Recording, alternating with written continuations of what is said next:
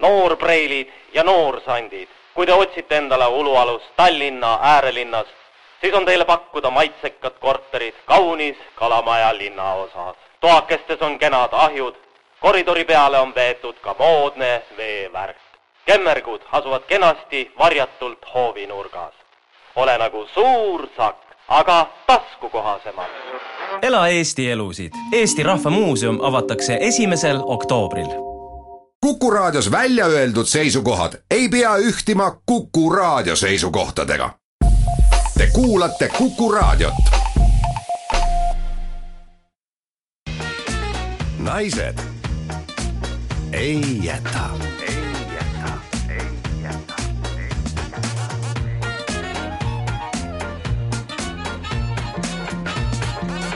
naised ei jäta tere hommikust, armsad inimesed, täna on seitsmeteistkümnes september, kell on üheksa läbi kümme minutit, Naised ei jäta alustab taas, stuudios on Kristi Kool ja Mari Tummelas. tere hommikust kõigile! Tänases saates me teeme väga palju väga olulisi avaldusi, neist esimese teeb Marit kohe praegu.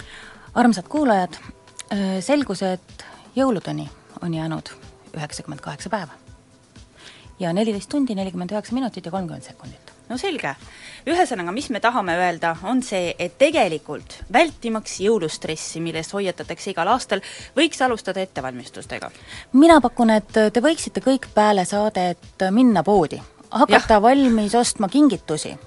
sest sellega kõigile? kõikidele, jaa. ostke selle... täna kõikidele ära või? jaa ah,, sest et eh, esiteks eh, praegu ma usun, et saab paljusid asju soodsamalt kui, kui kõrghetkel. jõulude ajal, jaa, jaa. ja, ja teine asi on see, et siis saab hajutada nagu seda finantsstressi niimoodi, et jõuluks peaks saama enam-vähem võlad kaelast ära. saate minna uude aastasse puhtalt lehelt nii-öelda.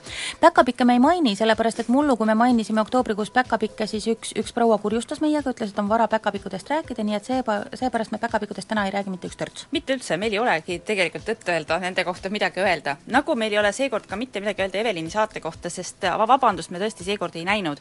see neljapäev oli kuidagi üks pikk päev. see oli meil pikk töökas päev ja tegelikult mul tuli tukk peale. mina jäingi pool kümme magama, noh, ja siis oligi juba, näed, hilja, eks ole ju. aga noh, vaatame äkki järgmine kord kord. jah, äkki järgmine kord vaatame, siis räägime kohe pikemalt.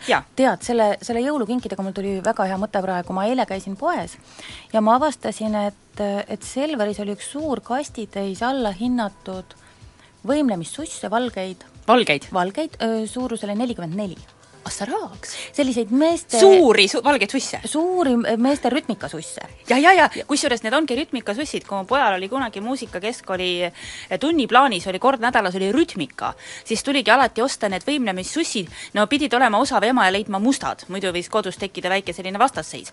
aga mees, kes on juba neljakümne neljani oma jala kasvatanud, ma arvan, valge suss on väga auline. valge selline pöiasirutuse tegemise suss, neid oli väga palju, need olid allahinnatud ja sellest tekkis mul jälle mõte, et võiks teha sellise tantsu tantsu- või liikumisrühma, eh, mida ei koostataks sellel alusel, et kui vana sa oled või millised on sinu füüsilised võimed, vaid lihtsalt, et eh, oleks parameetriks jalanumber.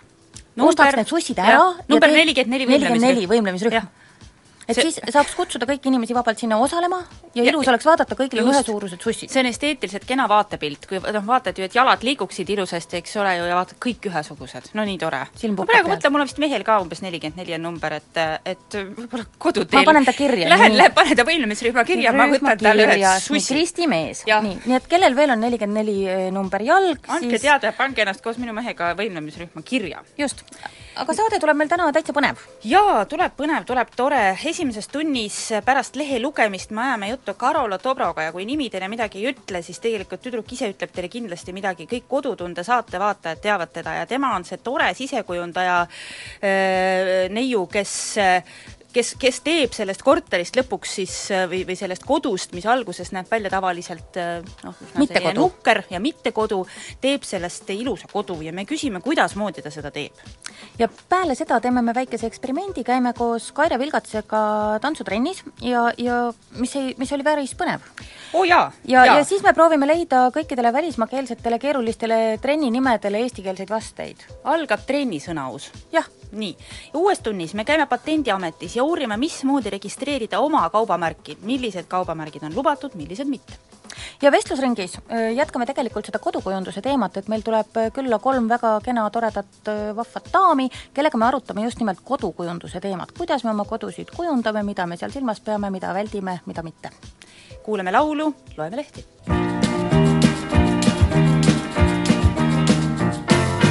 täna on imeväärne päev, kuigi teised selles imet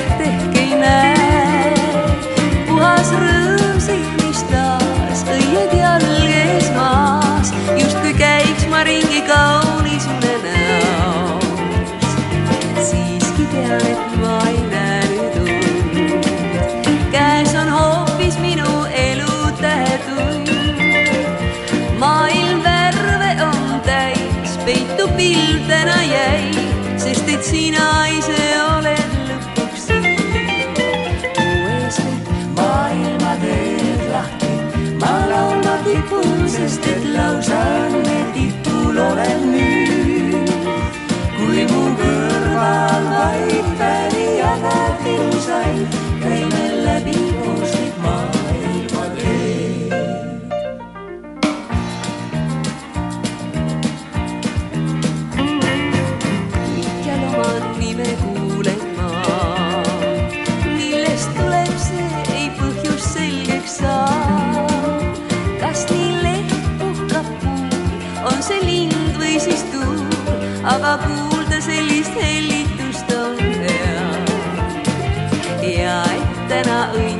igal pool, siis mu mõtteid täidab üks ja ainus soov,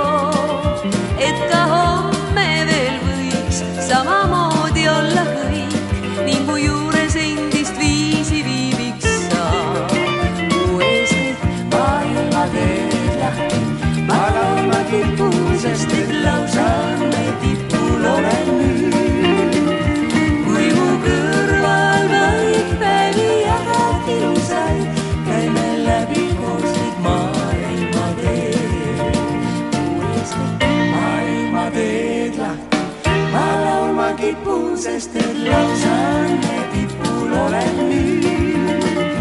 kui mu kõrval vaid päevi jagab ilusaid, käime läbi koos kõik maailma teed.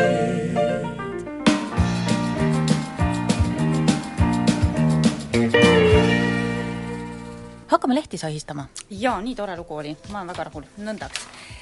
laupäevane Päevaleht kirjutab oo, merikotkad on Eesti endale tagasi võtnud. ja meie kardame kogu aeg, et oht tuleb idast. Helde näeb, kust need merikatkad tulid? oota, vaatan kohe. idast. ma, ma ei, ma ei tea, no igatahes ma loen, et on, nüüd on need rannikul. dessant. dessant, jah, nad on kohal. Helde näeg. aga ei, tegemist on muidugi ilmselt ikkagi hea uudisega, et populatsioon, mis oli merikotkal jäänud siinkandis väga hõredaks, et see on taastamisele jõudnud lähedale, see on tore. mul on sellest hea meel. mul ka. minu käes on Postimees ja siin on äh, suur äh, jälle selline välismääraja inimestest, äh, kes on sügise ihalejad. väga palju erinevaid alajaotusi, siin on sügise eitaja ja telehoolik, lehesahistaja, stiilikuninganna, et Kristi, kust ma sind võiks leida, et mi-, mis, mis sinu seos on sügisega? ma ei, mis, ma ei ole sealt midagi, mulle meeldib suvi. ahah, siis, siis Oota, mis sul ongi, mulle meeldib suvi või? siin on esimene lause on talle meeldib suvi. Mulle meeldib ja, suvi. jaa, ja see No. on äh, uue elu alustaja, on selline alakategooria. nii, talle meeldib suvi, nii kui soojad ilmad saabusid, pani ta ufole tule alla ja käis maja kõrval asuvast poest šašlõkki ja õlut ostmas. Et see oled siis sina, ma saan aru? ei ole. ja see pajatab ma ei inimesest armasta šašlõkki. Eks ma mõne sulle- õlle tegin suve jooksul, aga šašlõkki mulle ei meeldi. ma arvan, et ajaleht ei valeta, kui sulle meeldib suvi, meeldib sulle šašlõkk ja Oh. nüüdseks oled sa vormist väljas ja lähed siis tead, Marit, sa lähed liiale praegu. pane see leht käest ära. ma loen sulle lehte no ära loe mulle oled seda. väga koledasti vormist väljas ja otsustad hakata sügisest jõusaalis käima ja, ja kuni, kuna sa nendest masinatest suurt midagi ei jaga, võtsid isegi treeneri konsultatsiooni ja, ja siis kaks korda käisid, võib-olla lähed veel, eks vaatab. No ühesõnaga, sellele annab vastuse küll meie hilisem, see trenni osa. kus on kohe näha, palju meist keegi trennist midagi teab. noh, ma ei tea, jah Jaa, jaa. no mina ise pean ennast äh, korilaseks. no ma tean, jah. jaa, et, et see, kes tormab kohe metsa ja siis üritab öösel kõike purki toppida, ma saan aru, on ju. sinna saab suvel ka, suvel on marjad, suvel on mustikad, ei, miks ei, ei, ei, sügisel sinna minema? marjadega on see, et vaata, kui sa suvel korjad marju, siis sääsed söövad, seda parmud söövad, see on kohutavalt tüütu ja teiseks, et sa pead ühe, ühe väikese kribala kättesaamiseks kohutavalt palju küürutama. seentega on hea, eriti võtad mulle priske puraviku, pool korvi täis. täpselt, sellised äh, kolmekilosed puravikud on minu teema mm. -hmm. mingeid väikseid nööpe ei tasu üldse korjata, sellepärast et selge kasvavad. pal- ja sügisel Jah. ei ole nii palju sääske ja paremini, et, et mina olen korilane. selge. Päevalehes veel pikem jutt Eimar Lenkiga. see kõik on väga äh, tark jutt, sest Eimar Lenk on maailmas juba mõnda aega elanud, ta tähistab täna oma seitsmekümnenda aasta juubelit, palju õnne, ja tark mees ütleb, ära kunagi mine midagi paluma, küll nad ise pakuvad.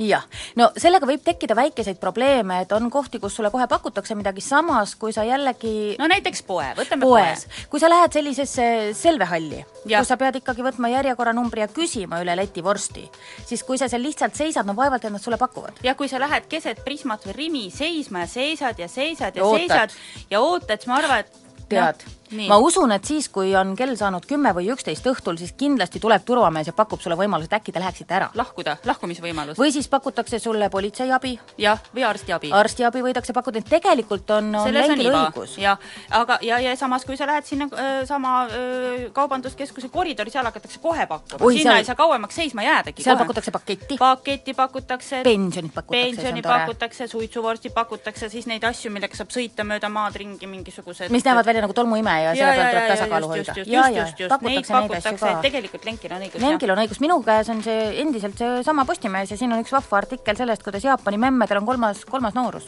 kolmas? jaa, üks proua, kes on kaheksakümmend neli aastat äh, vana, on teinud sellise ergutustüdrukute tantsurühma.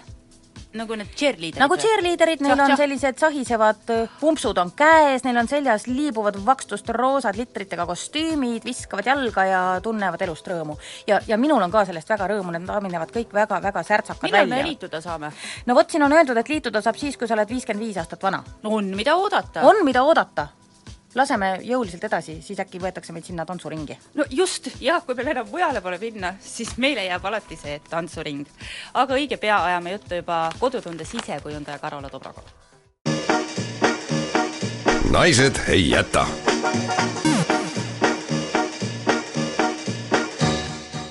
sügisel, kui algab raadiohooaeg ja algas Naised ei jäta uus hooaeg, siis teles algab ju samuti uus hooaeg.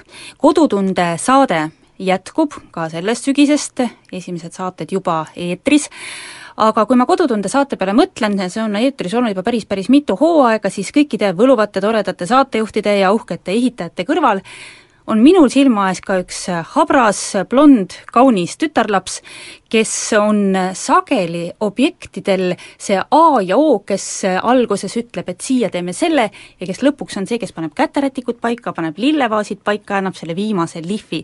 ja see kena habras noor daam tuli meile külla, tere tulemast Kuku raadiosse, Karola Dobro, Kodutunde saate sisekujundaja! tere! No sul töö on juba alanud, eks ole ju, et kuigi, kuigi saated on eetris alles nüüd, siis selle looduspildi järgi saab aru, et te olete juba suvel natukene toimetanud. jaa, me tegelikult hakkasime toimetama juba kevadel. nii et meil on juba ennem sügiseks tehtud, ma arvan, äkki kuus-seitse saadet. Kui me liigume natukene nüüd sinu äh, elus tagasi, siis äh, kas selline remont ja sisekujundus ja kodukujundus on sulle kogu aeg südamelähedane olnud, et kui sa olid juba väike laps, siis äh, oma, oma mängutoas tõstsid asju ümber näiteks? ikka jah, ja mu ema alati naerab, et tal on üks hea lugu mulle alati rääkida, et et ei olnud minu esimene sõna ei emme ega issi, vaid see oli lamp. ma küll ütlesin selle kohta pamp, aga siis esimene sõna oli sisustuselement. väga loogiline. Kuidas üldse sinust sisekujundaja sai, et kas lihtsalt selle tõttu, et sa oskasid lamp öelda või kaasnes sellega ikka ka veidi joonistamise ja muude kunstiasjade harjutamist? eks ma vist olen harjutanud väiksest peale, ma olen neid tegelikult neid toaplaane joonistanud, mingeid majalõikeid teinud, et kuidagi on olnud nii, et läbi elu on mulle meeldinud joonistada, vaadata ajakirju, kleepida, voltida, siis ma olen käinud kunstikoolist kunstikooli ja lõpuks siis õppisin sisekujundajaks. tundus kuidagi õige. aga Kodutunde saate juurde sattusid sa kuidas? nagu ikka tänapäeval kuhugi satutakse et sul peab olema häid sõpru. ja nagu oli ka mul, et äh, seal oli ennem selline sisekujundaja nagu Helen, tema otsustas, et ta ei taha enam, talle tulid uued teed, et kas ma olen nõus minema. ei, alguses mulle oli küll ei, ei, ei, oota, oota, oota, oota, oota, ma ei tea, kas ma tahan tulla, niisugune koht, ma ei tea, mis seal tegema peab, aga läks nii, et olen olnud nüüd juba, mis asja, kolm, kolm aastat, seitse, seitsmes hooaeg, nii et aga kui sa nüüd äh, mõtled sellele esimesele saatele tagasi, no öö, oli see, mis sa ootasid või? Ei, ei olnud, ei, pidi olema ju hästi lihtne, nagu räägiti. ahah, niimoodi ta su rääkis ära, et see on väga lihtne, jah? ei, kõik on hästi lihtne ja kõik on hästi sõbralikud ja ongi, kõik on hästi sõbralikud, aga ei olnud ta midagi nii lihtne, et see oli emotsionaalselt hästi raske, kuidagi küsimusi oli korraga liiga palju, ütlen ausalt, läksin koju ja nutsin, nutsin tervelt, ikka, ikka nutsin, terve õhtu nutsin. Aga kõigest hoolimata läksid sa ju järgmisel päeval ikkagi tagasi? jah, ikka tahe oli ikka suur, kuidagi ennast äh, tõestada et sa saad ikkagi hakkama ja et tuleb hakkama saada, et see, ega see minu nutmine neid inimene, inimesi ju ei aita, et aitab ju see, kui me teeme midagi, aitame neid mingisuguste ruumidega, lükkame kuidagi natukene neid edasi, et ei. nüüd ma olen palju tugevam, nüüd ma ei nuta enam milline tööprotsess välja näeb, no ütleme, et saate, eks ole, selle kirja, see kiri valitakse välja, sinna läheme tegema, mismoodi edasi? Me käime kõigepealt ka vaatame üle esimest korda selle kodu siis selle kirja põhjalt. ilma Kui... kaamerateta siis? ei ah,, käime koos kaameraga, jaa mm, -hmm. siis me seal mõõdame, vaatame kuhu mida, mis me siis jaksame teha, kui palju saab teha, siis lähme koju, hakkame ette valmistama, et äh, oleneb siis objektist või nii-öelda me kutsume neid objektideks mm, -hmm. et üldjuhul on poolteist nädalat on siis ühe kodu ettevalmistamiseks aega. mis tegelikult ei ole ju väga pikk aeg. ei ole kõik tuleb teha, tuleb välja mõelda ja tuleb hea mõte mõelda ja no televaatajad väga tihti kipuvad äh, kahtlustama, et no ega nad seda nüüd paari päevaga ikka valmis ei teinud küll, sest kõik arvavad, et noh, teles natuke filmitakse, siis ehitatakse jälle nädal aega, siis jälle natuke filmitakse, et kuidas selle Kodutunde saatega on? no päriselt ka teeme kolm päeva ja kui me ütleme, et äh, läheb kauem, et läheb neli-viis päeva, siis nii on ka. et seda on kindlasti raske uskuda ja ma arvan, et ega see kuskil mujal võimalik ei olegi kodutundes. ma kujutan ette, et selline, sellise töö tegemine on ka emotsionaalselt väga keeruline, ma tean, et arstid ei saa võtta väga isiklikult kõiki enda patsiente, kuigi neil võib olla kurb meel, et kuidas sina suudad endast need kurvad lood eemale hoida, sedavõrd, et, et need ei hakka sind kusagile mutta tõmbama kuidagi tuleb lahti lasta. et tavaliselt, kuna ma sõidan üksinda koju, nendest kodudest, siis ma kuidagi juba tee peal püüan nagu enda jaoks seda kuidagi, seda teemat maha rahustada ja ja mõelda, et nüüd on neil ju parem ja et noh, me saime teha nii palju, kui saime, et on ikka ja on ju peresid, mis jäävad alati meelde, mil, kelle peale mõtled, et ei, on, on üks tüdruk, kes mul on ikka siiamaani südame peal, et ei, ei mõni ei lähegi ära, aga sellega sa õpid kuidagi toime tulema. aga sellist peret ei ole, kes jääb kohe niimoodi, kellega sa jääd kontakti või pole sul tekkinud? ikka on, on., kirjutavad, lapsed eriti kirjutavad, niisugune tore asi nagu Facebook, sealt saab alati uusi sõpru, ikka kirjutavad, kuidas neil läheb ja küsivad, kuidas mul läheb ja kui sa hommikust õhtuni tegeled teiste inimeste kodude kauniks tegemise ja, ja üldse elamiskõlblikuks tegemisega, siis milline sinu enda kodu on? minu kodu on hästi pisikene, see on kolmkümmend kaheksa ruutu, seal on kõik seinad on valged ja seal on väga-väga vähe mööblit. ainult väga elementaarsed asjad, mis peavad ühes kodus olema. see on siis su enda valik niimoodi? jah, see on koht, kust ma puhkan, kus mu mõte saab puhata ja mulle ei meeldi teatavasti üldse ebameeldivad ja mittevajalikud asjad, ma olen üks hästi suur asjade äraviskaja. see vahepeal on täitsa raske, kui sa elad elukaaslasega, kelle, kes on sündinud rotiaastal. kes hea meelega koguks üht-teist et siis jah, ei, see kolmkümmend kaheksa ruutu annab sulle kohe märku, kui sul on midagi üleliigset, sa noh, sa pead sellest kohe vabanema. kas siis ära andma, müüma, viskama kas sa oled pigem selline ultramoodsa stiili järgija või, või selline vintage chick või, või kuidas sa iseenda kodusisustust iseloomustaksid? minu kodu on minu nägu ja tema ei ole ei ultramoodne ega vintage, ta on lihtsalt kodu ta on kindlasti, kui ma peaks ütlema, siis ta on ikkagi noh, ütleme moodne kodu või selles osas. kuigi ma tahan öelda, et ma, minu südamesoov kunagi on omada väga kas siis väikest mõisa, mingit talumaja, mulle tegelikult vintsi, vintage meeldib väga ja see niisugune maalähedane, aga kuidagi sinna kolmekümne kaheksa ruutmeetri peale Tartu kesklinnas ei, ei kuidagi sobi no aga need kodud, mis sa pead korda tegema, kus sa käid objektil, kuidas sa nende jaoks ideid leiad, see tähendab seda, et kui sa oma kodu peal väga ei katseta, eks ole ju, et siis sa pead kogu aeg olema nii-öelda sellel sisekujundusel niimoodi uuemate voolude, igasuguste põnevate materjalidega, igasuguste uute tehnikatega, et sa pead kogu aeg hoidma ennast ju kursis? ikka, selleks on, õnneks on ju tänapäeval nii lihtne kursis olla, et internet on nii toredaid asju täis. Ja lihtsalt ajakirju, välismaa ajakirju just ostan, et äh, ma soovitan kõikidele inimestele niisugune hästi tore koht, mis on Pinterest, issand, kus seal on toredaid asju et tasub minu meelest pigem vaadata, mida teised on teinud, siis saad ise teha paremini või sulle üldse ei meeldi või kuidagi. samas ma olen tähele pannud, et väga paljud sisustusajakirjad on justkui hooajalised, et vot, kuidas nüüd enda kodu jõuludeks lille lüüa või kuidas lihavõtteks valmistuda, siis vahetad ära kõik padjakatted, kardinad, küünlajalad Halloween, varsti tuleb Halloween! no just. kõrvitsad tuleb uuristada. et kuidas sina sellisele hooajalisele kaunistamisele vaatad või üldse, kui sa hooajaliselt sisustad oma kodu? ütleme, et kui on jõulud, ja ma ei oskagi öelda, võib-olla vahest harva ka lihavõtted. võib-olla on mõni väike asi, mis sealt siis tekib, mõni padjakate, aga ei, ei ole ma väga selline ja eriti mulle ei meeldi, kui on kaks tuhat kuusteist, selle aasta värv on ookerkollane. Et noh, ma ei kipu hakkama nagu kodu hakkama värvima või kõik asjad mu kodus ei ole ookerkollased ja ei ole ka idamaist mustrit, mis on väga popp et ikka tuleb südamest see kõik, mis sul kodu ümber peab olema, et kui sa tunned, et sa tahad vahetada ikka jõulude aeg kõik, kõik asjad ümber, vahetada välja, siis tuleb seda teha.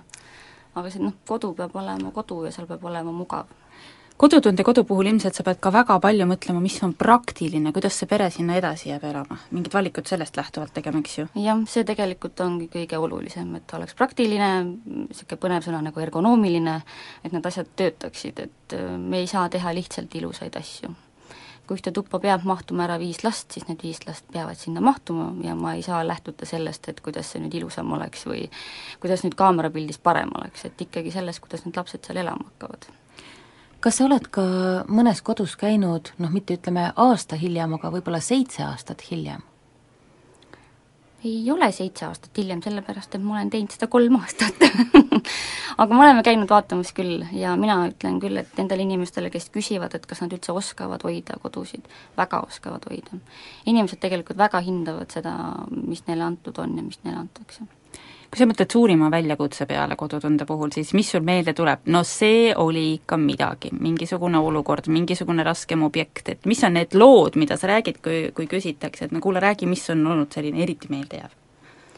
eriti meeldejääv või need kodud tegelikult jäävad kõik mingiks ajaks hästi meelde, sest et üldjuhul, kuhu me läheme, seal ei ole ju asjad hästi on küll vahest astud tuppa sisse ja siis mõtled nii, kas see on nüüd puukuur või ma olen kellegi köögis, aga kuna seal on söögilaud ja pliit, siis arvad, sa oled kellegi köögis.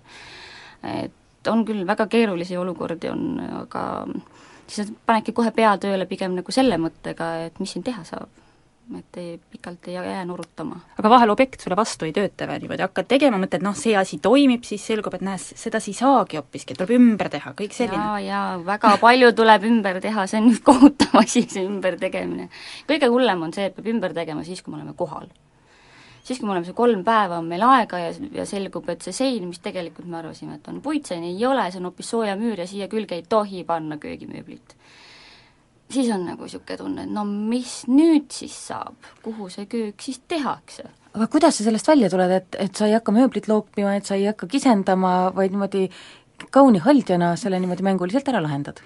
hingan lihtsalt sisse-välja, ma olen aru saanud, et karjumine, röökimine ei aita aga oled proovinud? olen ikka mm -hmm. jaa, aga no ma ikka püüan seal kuidagi omaette hakkama saada sellega ei, mis siis on, siis tuleb mõelda, kas saab kuidagi, siis pead nõu, helistad siis inimestele, kes teavad asju, tähtsad inimesed, igasugused, kes sul tuletõrje, tuletõrjest või keegi ütleb, kas ma võin, ei või, siin peab olema meeter, siis on oih uh, uh, aga natuke ikka võib? jah, täpselt, aga mis siis saab, kui ma teen siia vahele ühe sellise asja? Kui me karkassiga tõstame seda siit kaugemale ja õhk siit tagant liigub no palju see tuleb sealt kaugemale siis, on see küsimus siis juba vaikselt saab. saab. mul tuli praegu selline küsimus, kui ma sind vaatan, et, et noh, tõesti, nagu ma intervjuu alguses ütlesin, eh, ja, ja, ja hoolimata sellest, et ega välimuse rõhutamine noh, ei, ei peaks olema ele- elementaarne, aga sulle peale vaadates, no tõesti, sa oledki selline kena, habras, blond, ilusate silmadega tütarlaps, kui sa lähed ehituspoodi, kas need mehed võtavad sind tõsiselt üldse? Kuidagi nad on nüüd hakanud võtma vist, nad vaatavad, midagi ta ikka teab. Et eks ma oskan võib-olla kasutada ka niisuguseid sõnu ja räägin natukene teistmoodi. aga eelarvamusega oled kokku puutunud? ikka, ikka olen. mõni meesterahvas vaatab must täitsa mööda ja ei räägi minuga, vaid räägib minu meeskolleegiga, noh ikka on.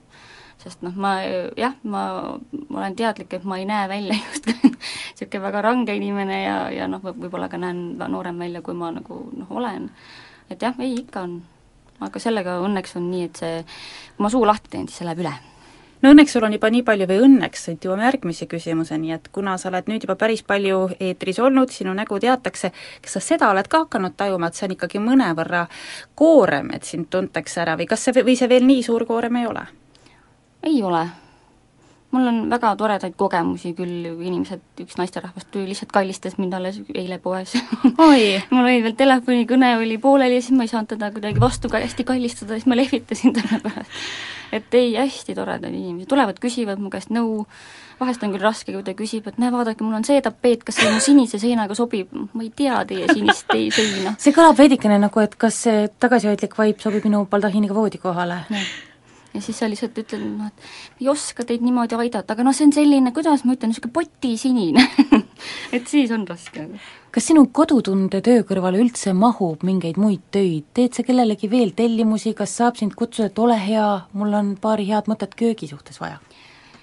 kahjuks minu aja võtab kõik kodutunne või õnneks. et äh, jah, vahest võib-olla on küll niisugune tunne, et tahaks teha midagi, mida sa juba suudad nagu pikemalt planeerida ja ei teki seda asja, et oi-oi-oi-oi et nüüd on siit midagi valesti, tahaks ikka jah, aga kuidagi on nii läinud ja ma olen praegu nagu rahul sellega, et ma väga ega ei, ei pinguta selle nimel, et teha midagi muud. ja kui saade hakkab valmima või ütleme, see kodu hakkab valmima ja on kiire käes, siis palju sa ise käed külge paned? pildi pealt on näha, et sa ikka alatasa paned ise tapeeti või rullid mingisuguseid mustreid seina või paigaldad liiste. jaa, mulle, mulle meeldib see, ma ei suudaks seal seista niisama käed rüppes kõrval. näidata, see Jah. siia. et on asju, mida ma ei saa teha puhtalt juba füüsiliselt, ma ei jaksa, kipsi panna või mingeid niisuguseid asju, et no ka need, mis kannatavad nagu rulli, kannatab käes hoida, tapeeti kannatab panna et noh, need on need asjad, mida ma noh, mulle ka väga meeldib teha, et see, ma ei tee neid vastu tahtmist. ma just tahtsin küsida, et mis sul lemmik selline remonditöö on? ma õppisin ära, kuidas panna laeliiste hakkas nii meeldima? Äh, Jah, sest meil oli ilm, hirmus nii-öelda anomaalia, sest ei saanud kuidagi hakkama nende asjadega ja siis ma ütlesin, nii, nüüd teeme lihtsalt selle endale selgeks. ja lihtsalt õppisin ära, et kuidas see siis nüüd käib, mis nurk peab kuskil olema ja selleks, et need nurgad ilusti kokku omavahel läheksid. sest teatavasti on kodud enamasti niisugused, nad ei ole kõik üheksakümnekraadised, et jaa. siis tuleb natukene mõelda, kuidas saagi ja mis nurka panna ei, seal on minu meelest nii tore, ma olen nii palju asju õppinud, ma olen õppinud kolme aastaga kasutama trelli. ma ei, ma arvan, et kui ma seal kodutundes ei oleks, siis ma ei oskaks seda täna teha. et ma arvan, et ma olen isegi päris osav sellega naised ei jäta saates saab nalja palju. kodutunne on natuke teistmoodi saade, aga kas nalja saab? saab. seal on täpselt nii, et ühel momendil on arvatavasti situatsioon niivõrd kurb ja järgmisel momendil on lihtsalt nii hale naljakas. et aga kui, ma arvan, seal ei oleks naljakas ja seal ei saaks nalja, siis me ei jaksaks seda teha. et see on, ikkagi kell saab öösel juba kaks ja noh, kui oleks nagu hirmsasti kurb olla, siis ei jaksaks seda mööblit kokku panna või, või remonti teha, et peab olema niisugust lõõpimist on palju, et sellega tuleb harjuda ja kui sa oled ära harjunud, siis sul on väga lõbus. Käies koduküla tuttaval teel, laulab mu meel, õnn käib mu eel. kodu, kui sa armastan, armastan sind. kodus puhub hoopis teisiti tuul,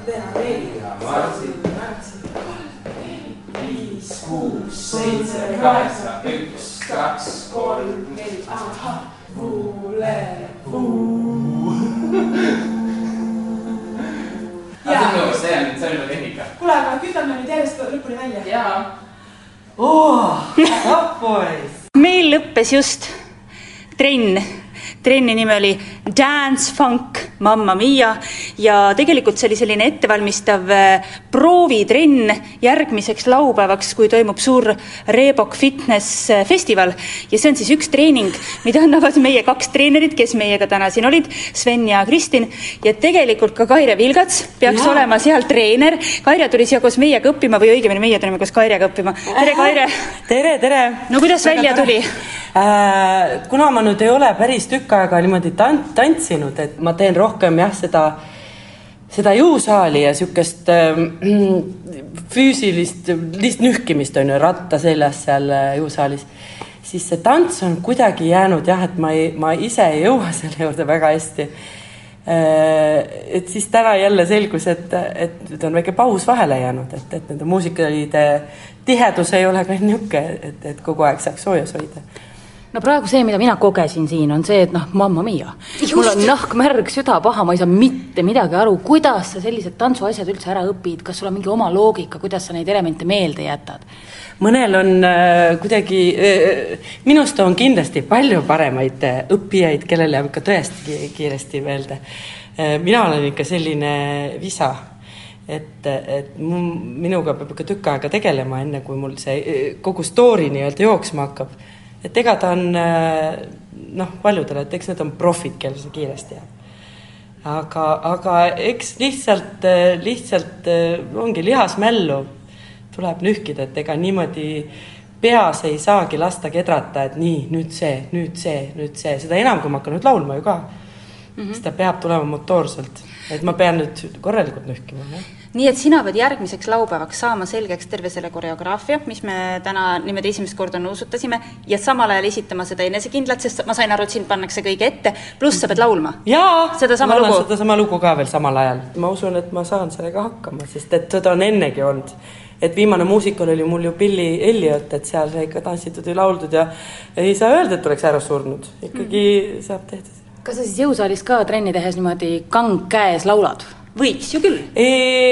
ma ei tea, kindlasti hakkaks keegi midagi ütlema kindlasti neid on seal palju ja ke kellelegi kindlasti ei meeldiks, sest et ma ei usu, et kui see oleks ju niisugune proovilaulmine tuleks, et ma paneks kohe fonoga ja jube hästi, siis, siis, siis võib-olla veel, et kõigil on kogu aeg show, aga ei, ei ma nii no me võime vist julgustada, et kuigi meile Maritiga tundus, no alguses küll, et äh, see Mamma Mia treening, mida saab järgmine laupäev proovida, et noh, see ei ole nüüd väga lihtne. natuke sammukombinatsiooni ikka on ja natuke koordinatsiooni ikka on, aga ilmselt kui seda ikkagi tund aega tambitakse, küll see selgeks saab ja no ega asja mõte lõpuks pole see ju ka perfektselt ära esitada, vaid et oleks kõigil tore ju. just, et, et see on sama, nagu mina, mina olen öeldud, öelnud paljudele, et et miks ma hakkasin suusatama, vaata. Jaa, me teame. ja, ja, ja. et ja, ja siis lubasin kõigile, et nüüd ma lähen poolmaratoni ka veel sõitma. Läksingi mm, -hmm. kõik mõtlesid, et ma olen hull ja ma ei kujuta ette, et mis, mis aeg ja ma ütlesin, mind ei huvita see aeg, et tegelikult see ongi fun kakerdada seal kuskil lume sees ja, ja kellegagi koos, et minu eesmärk ei ole äh, ei ole selles mõttes ennast ületada, et, et hing paelaga kaelas. Mina läksin sinna fun ima ja, ja lähen veel. ja sama on nüüd selle, sellesama aeroobikasega ka, et tore peab olema tants on tore, tants on fun. no aga Kaire, sul algavad ju tegelikult varsti Mamma Mia etenduse trennid ka ja, ja proovid ja, ja ilmselt tuleb sul seal ikkagi natuke ilmselt ka tantsida, sa vist veel ei tea, kui palju või oled sa mm. kursis, muusikat sa tead, aga et mis sealt saama hakkab? Äh, no eks, eks igal lavastajal, koreograafil on oma nägemus ju asjast, et ega tegelikult ei tea mm, -hmm. mis seal saama hakkab, aga ma olen kõigeks valmis, muusikal on ikkagi asi, mille nimel nagu elada ja ja, ja, ja sinna Tartusse ka äh, ikkagi ronida kohale, et äh, mis su elu kõige raskem muusikal on olnud? Vaat ei oskagi öelda, aga nüüd ma hakkaks mõtlema, et esimene oli ju kõige esimene, aga aga ma arvan, et siis ma olin nii, nii noor, et ei osanud veel närveerida selliseid asju. ma arvan, et tegelikult üks esimesi oligi äh, Draamateatris Väike õuduste pood, sest et Jüri Nael Äh, oli koreograaf ja, ja tema ei hellitanud ju kedagi, et kuna me pidime seal selle kõige raskema tantsu tegema kohe, äh, nii-öelda kui kardin umbes eest ära läheb, siis hakkasime meie kohe uhama äh, meeletult, et, et ma arvan, et see, see oli füüsiliselt raske, lavastaja Georg Malvius ja, ja kõik selline, et see tuleb praegu meelde niimoodi, jah aitäh, Kaire Vilgats. Äh, jõudu nii muusikaliks kui ka äh, treeningu läbiviimiseks. ja ma ootan kõiki treeningule, tahaks kõiki siia rõõmsaid silmi näha aitäh naised ei jäta no igatahes me jäime ellu kokkuvõttes. me jäime ellu, isegi natuke lõbus oli. tegelikult oli jah. natukene. ja nende kohtade peal, kus ma sain aru, et ajumaht on nüüd täiesti triiki täis, vaatad silmad punnis, kuidas treener teeb midagi ees ja üldse ei tule tuttav ette. Jah, ja see on ka huvitav, et sa ei saa ju vaadata korraga jalgu ja, ja käsi, eks ole, et kui ma vaatasin, mul jalad juba lähevad, siis ma avastasin, oi, käed ent teevad midagi hoopis muud. mina sain aru, et äh, trennis käimise üks, üks selline meetod ongi vale käsi, vale jalg. jah, seda juhtus ikka. seda juhtus, aga see ju ei muutunud midagi, tants oli ikka lõbus ju. ikka oli mm. -hmm. me nüüd tegelikult isegi nagu noh, liiguks edasi, me leidsime sellelt koduleheküljelt mm, -hmm. kus on äh, selle fitness festivali kõik trennid kirjas, leidsime palju põnevaid trenninimesid, ainult et meile tundub, et siin tuleks teha tõsist sellist äh, sõnause tööd mm. -hmm. sellepärast, et kõik need on väga segases inglise keeles, tuleb äh, lihtne inimene nagu meie. kena puhas vana inimene nagu meie. jah, teeb selle lehe lahti, vaatab, no mis asja, mis me siit siis loeme, nii. sellised trennid nagu ähm, grit, väike R, strength and six works R mulle tundub, et mhm. tegemist on haiguse ja automargi riistandiga no võib-olla mõnes äh, kontekstis küll, aga meil on tegu, need on siis sellised rahvusvahelised treeningud, mis tulevad Uus-Meremaalt, Les Mills treeningkontseptsioonid. mina mõtlesin, et Les Mills on Le Mill mingi prantsuse mina arvasin, et see on Veskimati eesti keeles. just, just, just, just. ta kindlasti ongi sama kuulus, armastatud Uus-Meremaal nagu meil Veskimati, et neid tehakse üle terve maailma, selles need nimed on, nende lühendite taga on kindlasti ka väga täpsed, mis need tähendavad, aga et ülemaailmselt kõik siis mõistaksime nad inglise keeles mm. -hmm. no osadest asjadest me saame aru, body mm -hmm. jam on ilmselt midagi tegemist moosiga? Äh, minule tundub see kergelt erootilise alatooniga, on kehad, on moos, õhtune treening, aga ta ongi niisugune mõnus õhtune klubimuusikaga tantsutreening, et peaaegu igas suunas niisugune džämm, niisugune mõnus moosi aa, moosi ei pandu? moosi trenn meile meeldib. siis muide, mina tean, mis on body attack minule tundub, et Body Attack on selline reede õhtul maakoha diskoteegi taga. Et keegi ei, ei, ei, see, mis on maakohad, see on äh, body combat seal, seal on Aha. see, et on vaja äh, rusikaga äsada ja jalaga lüüa. aga attack, tead, see on, mina olen attack'is käinud, body attack on selline trenn põhimõtteliselt, kus sa tund aega hüppad. ja saad ataki? nii, just, lõpuks saad ataki, nii et süda kurgus ei no loodame ikkagi, et ATAK ei saa, aga mõte on jah, et see ATAK-i, no see nimi näitabki, et on karmim trenn natukene, nii et ütleme, kes täiesti võib-olla alustab, siis see ei ole kohe see koht tulla, aga samas saad ise oma koormust ju valida ja meil seal festivalil saad ju vahepeal ka puhata ja hinge tõmmata ja käia seal üldsegi ringi ja nii et põhimõtteliselt minusugused algajad peaksid vältima kõiki trenne, mille nimetuses on mingi kung-fu filmi pealkiri, nagu Attack, Combat, siis hoia eemale. vähemalt esialgu vaadata ja see ongi see koht, see festival on ideaalne, et sa ju ei lähe klubisse, maksan pileti ära, olen tunnis ma ei saa hakkama, vaid on terve päev otsa, vaatan, ah, see sobib mulle, proovin, oh väga hea, lähen järgmise juurde, et see ongi see, see hea võimalus. mulle paar asja siit väga meeldivad, näiteks Bollywood. Bollywood on see tore. kõlab toredasti mm, sensuaalne. ja seal ja. on suhteliselt niimoodi hea päeva alguse poole, saab ennast vere keema niisuguse idamaiste rütmidega ja minul on, on väga keeruline ühe trenniga, mille pealkiri on It's disco time ja see trenn toimub kell üksteist. mina mäletan kooliajast klassiõhtud algasid vähemalt kell neli. kell üksteist võis olla küll, aga siis oli õhtul üksteist, kui oli diskotaim. no aga selles mõttes ongi ettevalmistus selleks. aa, õhtuseks diskoks. sa õpid ära sammud ja siis ja, sa ja, lähed, ja, kütad ennast seal soojaks terve trennidega ja siis õhtul lähed välja, sammud selged Sa. samas reiami trenn, see on raudselt Eesti trenn. see on rahvakunst. see on rahvakunst ja me juba teame, et see on kivikasuka viisile, see on see reiam, reiam. ja, ja seda annab väga temperamentne Itaalia treener, nii et. temperamentne rahvatants. kivikasukas Itaalia moodi. ja, ja siis on meil kahe viimasega, meil on ka suhteliselt selge. Crossfit. See on kristlik treening mm, Mhm. -hmm. igaüks peab ise oma risti kandma. põhimõtteliselt nii ongi, et ise kannad oma koormust ja tegelikult see küll tähendab äh, sellist meeletut meeskonnavaimuga trenni. nii et jaa, et kui igaüks peab ise oma risti kandma, siis tegelikult see kõik aitavad sul seda kanda ja sa saad mõnusa treeningu sina viskad jalad seinale, teised kannavad sinu risti. jaa, täpselt. tasub tulla. jaa, ja street workout, see on raudselt tegemist teetöödega, näiteks Valdeku tänaval praegu käib ka street workout. no me tahamegi, et ilus see kultuurikilomeeter saaks jälle täiendust ja juurde ehitada teed natukene ja täpselt. see on selline tänava, tänavatööde trenn. see kõlab muide kasulik, see on nagu talgupäev natuke. see on nagu talgupäev, teeme ära. aga tegelikult on selle väga mõnus, kus sellised äh, Need harjutused me saad teha täiesti ise nii-öelda olemasolevate vahenditega väljas treenides, annavad siis hästi lahedad äh, äh, venerahvusest poisid, kes treenivad täiesti ennast ka õues ja nende treeningvahendite peal, mis on ehitatud. Nii et see on natukene nagu parkuur üle, üle prügikastide. no, no ütleme, päris sinna me ei jõua selle ühe päevaga, aga no ütleme, eeldused sa lood selge, meil on nüüd igal juhul ülevaade saadud, me, ja me katsume teha niimoodi, et me ikkagi mõtleme rahvakeelsed nimetused kõikidele juurde. näiteks Podiatakile meil on nimi olemas. Podiatakile on meil nimi olemas, kas ema süd-, südant tunned sa kurgus? pekslemas. väga hea, te võite kõik need nimed, need saata meile siis emailile ja siis me teeme konkursi näiteks, see on hea mõte. Sest Eesti inimene saab, Eesti inimene tahab ikkagi aru saada, kuhu ta tuleb. nõus, teeme ära. teeme ära. aitäh, Sven Niderand. aitäh teile.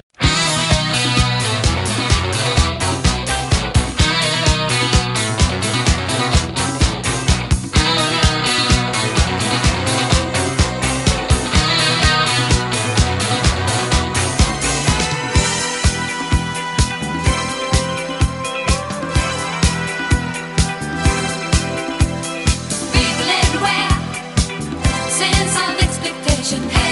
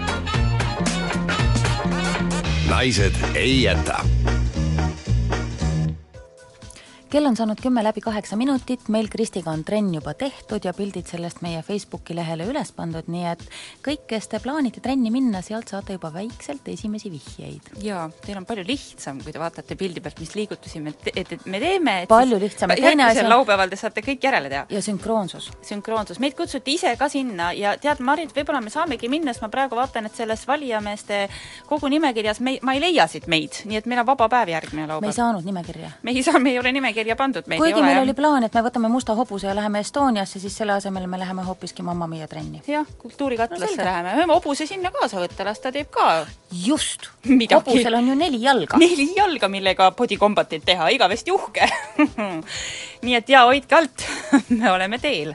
Selles tunnis me jätkame sama jõuliselt. jaa, me Kristiga otsustasime registreerida mõned kaubamärgid, näiteks väga hea oleks kivikasukas reejam mm. -hmm. ära registreerida. ma ei tea, kas selleks tuleks mõni takistus ette? ei tule, ei tule. selles mõttes ongi hea, kohe te kuulete ka, me ajame juttu eh, Patendiametist kaubamärgi osakonna peaeksperdi Kai, Kai Klandbergiga ja tema just nimelt otsibki üles need kitsaskohad kaubamärgi registreerimisel, et mis võivad tulla, aga mulle tundub, et kivikasukas reijam peaks olema suht-koht registreeritav. Proovime. proovime. naised ei jäta.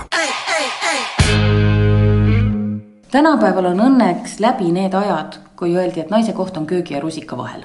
naised on ettevõtlikud, naised koovad käpikuid, keedavad moosi, aga teevad ka palju jõulisemaid projekte.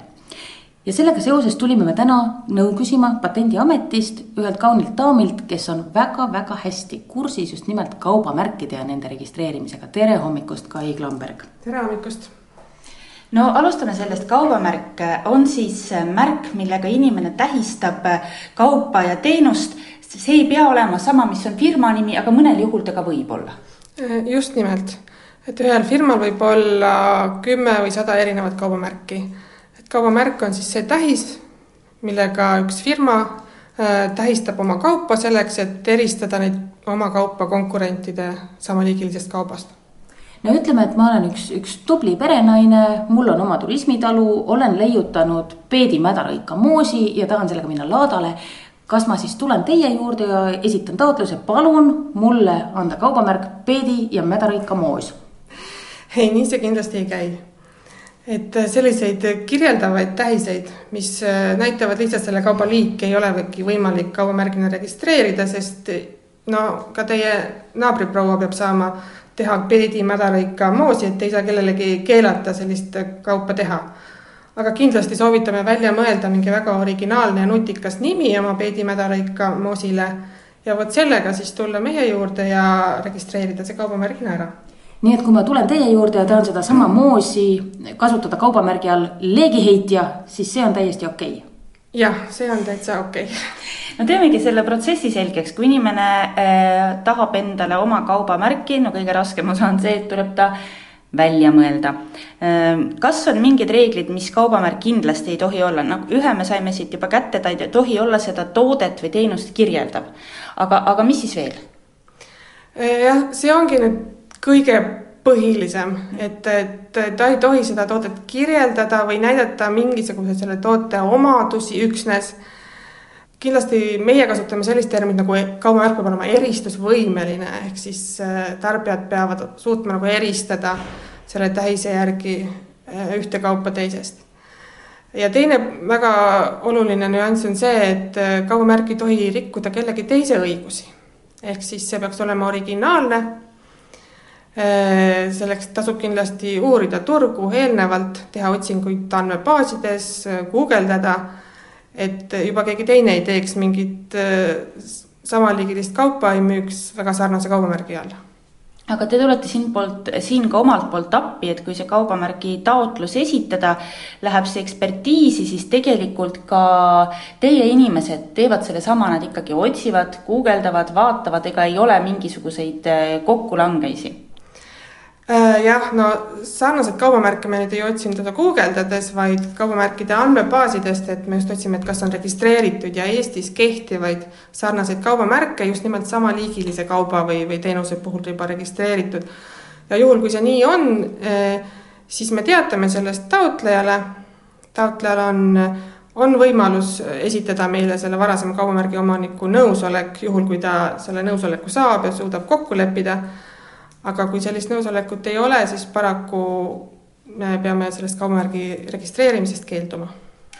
kui nüüd ühtegi kokkulangevust ei ole ja teie poolt on roheline tee, kui kaua selline protseduur üldse aega võtab, et inimene annab enda taotluse sisse ja teie ütlete hõissa, mine, müü? kas uuel nädalal saab äh,? paraku nii kiiresti see asi ei käi, et see on nüüd see meie töö juures nüüd see kõige negatiivsem koht, mida me ei julge tihtipeale ka inimestele välja öelda, et.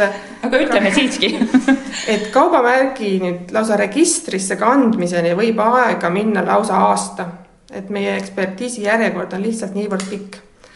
et esimese vastuse siis eksperdi käest, kas siis positiivse registreerimise otsuse või siis kirja selle kohta, et on mingid takistused registreerimiseks, saab hetkel umbes üheksa kuu jooksul ja kui see on positiivne otsus, siis ta veel avaldatakse ja siis on eh, ette nähtud seaduses selline kahekuune vaidlustamisperiood, kus kõik, kõik eh, huvitatud isikud võivad veel vaidlustada seda registreerimist.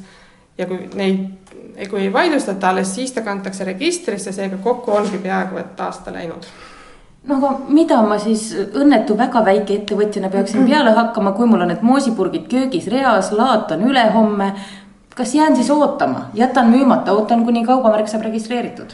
Äh, kindlasti ei äh, maksa jääda ootama, sest äh, no esiteks ei ole üldse kaubamärgi registreerimine kohustuslik, kaubamärki võib kasutada ka ilma registreerimata. teiseks on hästi oluline just see kuupäev, millal te esitate selle kaubamärgi taotluse. ehk siis, kui ta ka ükskord ära registreeritud saab, siis see õigus hakkab teil ikkagi kehtima tagasiulatuvalt sellest kaubamärgi esitamise kuupäevast ja kui te ka esitate selle juba, siis ta on nähtav meie avalikus andmebaasis. kõik äh, näevad, et teil on juba see kaubamärgi taotlus esitatud, et te olete varasem, et äh, on juba nagu hoiatatud, et teie olete sellele juba nii-öelda endale kinni pannud. Kai, mis on kõige tavalisemad vead, millega te kokku puutute? ühed kõige tavalisemad vead ongi see, et üritatakse registreerida enda nimele sellist kirjeldavat kaubamärki, arvates näiteks, et sellega mul on võimalik nii-öelda kinni panna mingi kaubaliik või, või teenuse osutamise viis.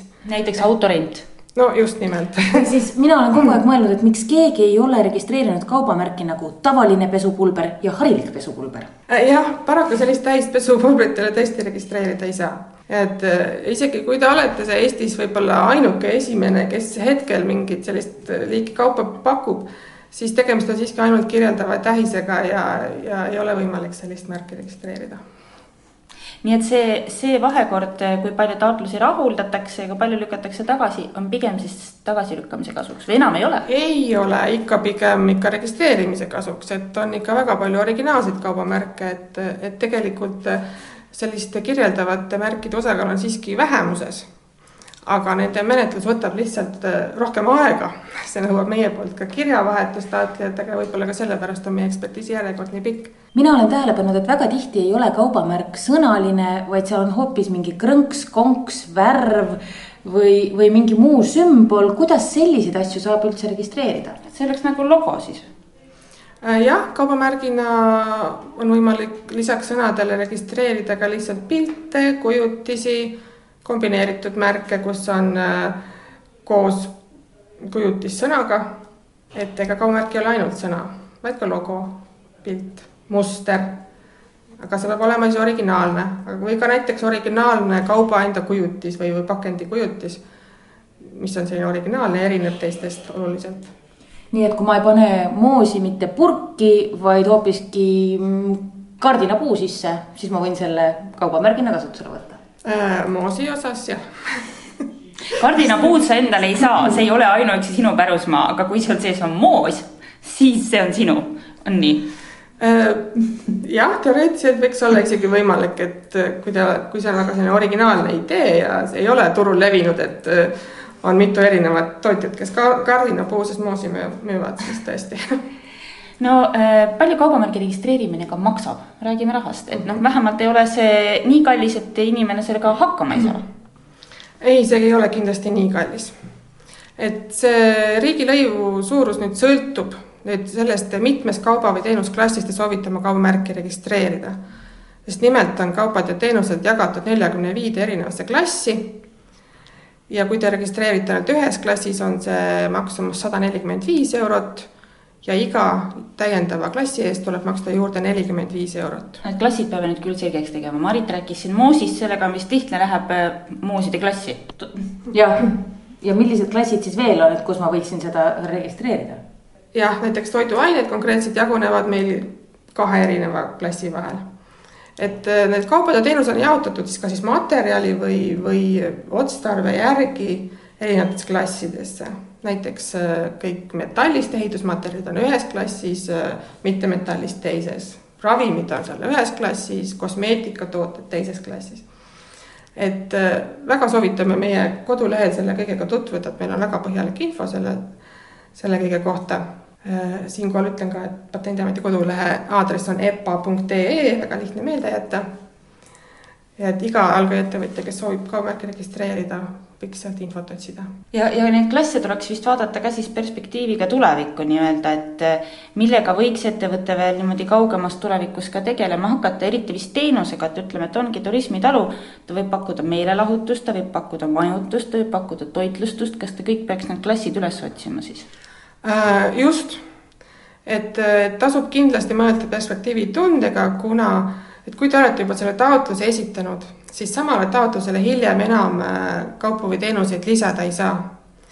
et kui teil tekib siis hiljem mõte, et ma hakkan nüüd toitlustusega tegelema, et ja teil varem ei ole selles osas kaubamärk kaitstud, siis tuleb lihtsalt esitada uus taotlus ja maksta jälle need uued lõivud nii et kui te juba arvate, et te võite sellega tulevikus tegema hakata, siis tasub kindlasti juba see koheselt äh, kaubamärgi taotlusesse kirja panna. Kui ma olen oma kaubamärgi nüüd edukalt ära registreerinud, toimetan oma kindlas sektoris ja ühtäkki tuleb välja, et Peruus, Hiinas või hoopis Zanzibaris on mõni ettevõtja, kellel on sarnane kaubamärk, kas siis mul tuleb Eestis pahandus? ei, siis teil kindlasti Eestis pahandus ei tule. et see on nüüd üks kaubamärkide kaitsmise Äh, omapära, et kaubamärkide kaitse on territoriaalne. et kui te registreerite Eestis, siis te saategi kaitse Eestis. Kui te registreerite Peruus, siis te saate selle kaitse Peruus, aga on ka võimalik registreerida selline asi nagu Euroopa Liidu kaubamärk. Te saate siis kaitse terves Euroopa Liidus korraga ja see on nüüd natukene kallim millised kohustused kaubamärk paneb, ma võiks ju huvi pärast igasuguseid kaubamärke endale registreerida. hobi korras. hobi korras, lihtsalt puhtast tõelusest, mul tuleb nii hea mõte, keegi teine ei tohiks seda endale saada. kaubamärgi seaduse järgi on äh, kaubamärgi omanikul selle kasutamise kohustus. Ehk siis, kui kaubamärgi omanik ei ole viie järjestikuse aasta jooksul oma kaubamärki kasutanud, vaid hoiab seda lihtsalt kinni ja tuleb keegi teine ettevõtja, kes leiab, et tema sooviks sarnast kaubamärki kasutada, aga näed, keegi on juba ära registreerinud, aga ise ei kasuta, siis tal on õigus äh, taotleda selle kaubamärgi tühistamist.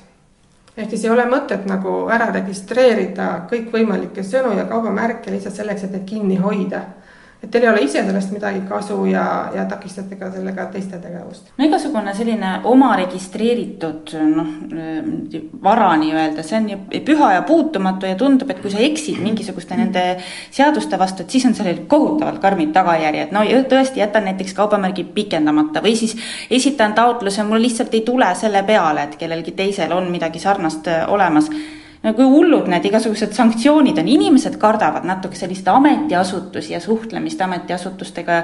ei ole ju midagi hullu, kui inimene eksib, kui ei tea, ta ju, teda ei panda kohe vangi. ei, loomulikult, vangi ei panda kindlasti kedagi. et eh, kui inimene lihtsalt teadmusest, teadmatusest eksib, siis eh, tõesti midagi hullu ei juhtu et äh, kindlasti ei saa soovitada pahatahtlikult kasutada kellegi teise kaubamärki ja kellegi teise näiteks kaubamärgi mainet ära kasutada, siis sellest võib küll jamad äh, tekkida ja eelkõige siis majanduslikud probleemid.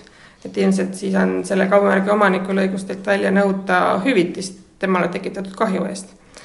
aga kui te omale teadmatusest lihtsalt mõtlete mingi sarnase kaubamärgi välja ja avastate, et kellelgi on juba varem registreeritud see varem registreeritud kaubamärgi omanik ilmselt hoiatab teid kõigepealt, et temal on juba registreeritud, siis no siis teil ei jää võib-olla muud üle, kui lihtsalt see kaubamärk ära muuta, endale uus kaubamärk välja mõelda. ja, ja seekord siis olla loomingulisem, teha veidi paremini eeltööd ja võib-olla mõelda sinna lisaks tekstile ka mõni isikupärane vigur juurde Äh, jah, kindlasti kutsume üles kõiki olema väga originaalsed ja, ja kasutama oma fantaasiat.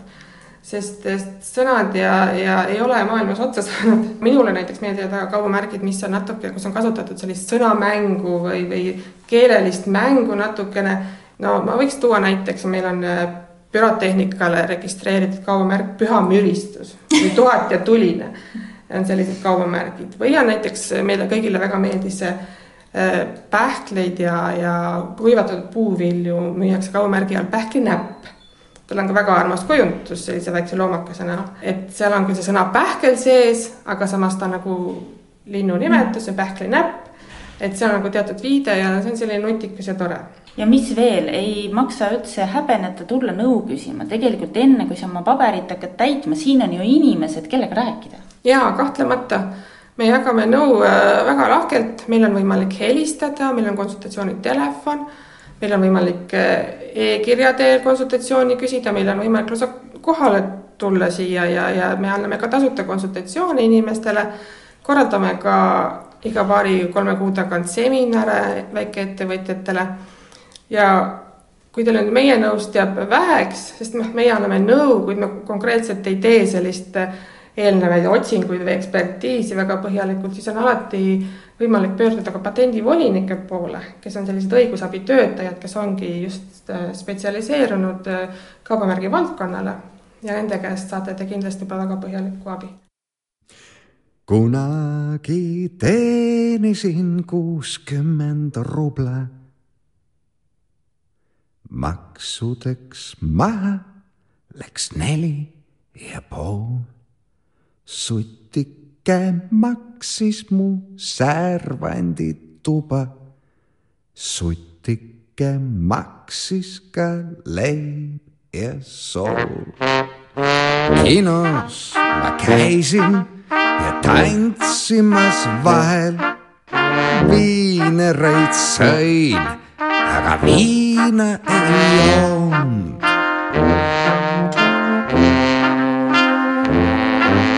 seepärast kooneriks kutsus mind Rahel. teisi ma üldsegi tuppa ei toonud.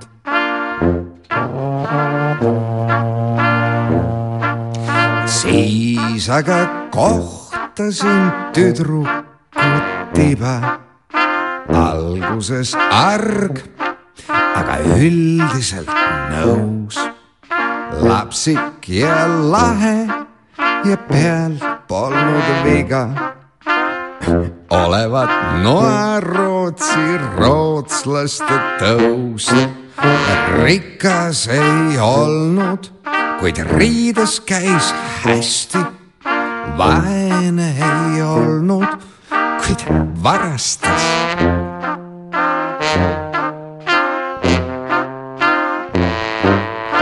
tööd tegin natuke vähem kui kästi.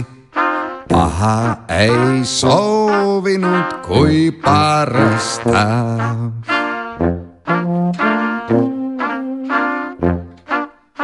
üles ta nurkis, et paarsada rubla seisab mul salaja raamatu peal viis aastat olin ma korjanud juba. viis aastat silm seisis autode peal. mõnikord muidugi tuju läks nulli, süda sai täis ja raputas kriis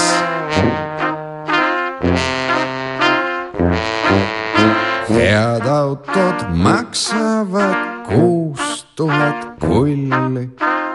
aastaga säästsin ma viiskümmend viis naised ei jäta ohoo, kätte on jõudnud vestlusringi aeg. Väga tore vestlusringi, kõik osalejad on kohal, mõned tulid lausa kaugelt Tartu linnast, tervitame Tartust tulnud Marget ja Annikat, tere! hommikust! ja Triin tuli siit lähemalt, tere Triin! tere hommikust! aga kõiki neid daame iseloomustab üks äh, selline leitmotiiv ja see on, me armastame teha remonti ja kujundada kodu, on õige? Kui te nii ütlete, me, me oleme teie, me, me oleme teiega tohutult nõus. väga hea. nii, räägime nüüd äh, sellest, kust on pärit teie kodukujundus, sellised ideaalid, et kas, kas need pärinevad kõik lapsepõlvekodust ja millised olid teie lapsepõlvekodud? ma isegi ei suuda nagu seoseid leida, et kas, no öeldakse, et kõik asjad on lapsepõlvest mm -hmm. pärit, eks ole, et äh, aga oli teil nii, et arvestades... käis pidev ko-, kodu niimoodi kaunistus, kujundus, remont, noh kas just märk... pidev, aga mul on suhteliselt nagu õrnast east saadik on see komme, et mulle kohutavalt meeldib mööblit ümber tõsta. et kui tapeetiga ei õnnestu panna, siis mööblit ikka õnnestub tõsta, et iga, noh siiamaani iga paari kuu tagant no kapp tuleb kindlasti ümber tõsta. nüüd ongi praeguses kodus on nagu häda selles, et mul õnnestus üks kapp sisse ehitada seda. ja ma, seda no, ei, ei tõsta enam kuhugi? ma vaatan teda ikkagi nagu suhteliselt mureliku pilguga, olen viimasel ajal mõelnud, et kas ma peaksin ta välja lõhkuma, sest ma ei saa teda ümber tõsta, see ja. natukene nagu tekitab muret. aga võib-olla annab seinu ümber ehitada? jaa seda kindlasti, Annika? no minu kodu lapsepõlves oli suhteliselt mustvalge et no see oli see aeg ka, vaata televisiooni ja kõik ja minimalistlik, kuigi sel ajal võib-olla minimalism ei olnudki nagu nii moes aga no, no tänu sellele on nüüd minu kodu hästi värviline et äh, mõju on ühesõnaga. ainult vastupidine? vastupidine, jah. Triin? minul olid vanemad hästi sellised perfektsionistid, meil oli alati hästi äh, ilus kodu niimoodi disainitud, kõik oli eritellimusega, kõik Aha. oli imekaunis ja seal ei saanud mitte kunagi mitte midagi ümber tõsta, sest see oli tehtud täpselt selle seina jaoks. seal ei saanud midagi ringi tõsta, sest äh, noh, kui sa ehitad kapi, siis see kapp peab selline välja ja. nägema, seinad olid värvitud niimoodi, et äh, noh, küll väga kaunis, aga noh, need olid seal niimoodi nagu mitu aastat korraga. ja kui tehti remonti, siis ei olnud niimoodi, et vahetame nüüd sinu toas tapeedi ära või tõmbame uue värvi peale, vaid siis oli, et noh, lähme nüüd suveks maale ja nii kaua teevad maalritädid nagu selle ära. ja siis ma alati nagu mõtlesin, et kui ma kunagi suureks saan, siis noh, mina olen see, kes hakkabki, ma ei tea, õhtuti põrandat lihvima või, või mööblit üle värvima või ma viskan need kõik asjad välja ja ostan uued, sellepärast et ma saan seda teha mul tuli praegu äh, Marge selle ja, üldse selle mööbli ümbertõstmisega meelde, et äh, minu äh, ema ja tema ema ehk siis vanaema, nemad olid küll ka kõvad mööbli ümbertõstjad. ja noh, siis oli tavapärane oli see, et naised olid kodus, mehed olid tööl ja mõnikord pärast tööd mindi siis niimoodi noh, veel natukeseks istuma ja vanaema ja ema istuvad ja üks küsib teiselt, ideid on on küll, hakkame pihta, siis tõsteti tuba ümber ja kui öösel siis mehed tulid vahel, noh niimoodi pime ei taha kolistada, et sa ei leidnud kunagi midagi üles, täielik jama oli, varem oli siin diivan, tahad istuda, no ei ole. Mul tuli selle peale idee, et hakkaks ka niimoodi mööblit ümber paigutama, aga veidi loomingulisemalt, et viid näiteks klaveri vannituppa ja, ja siis tood esikusse näiteks voodi, et siis on veel rohkem seda üllatusmomenti. idee on hea, aga jah ma ei tea, mul on küll nii klaver kui vannituba, aga ma ei prooviks. kusjuures klaveriga seoses tuli mul meelde, mu vennas rääkis just hiljuti loo, et meie kodus oli klaver, küll mitte mustvalge, oli pruun, nagu ikka.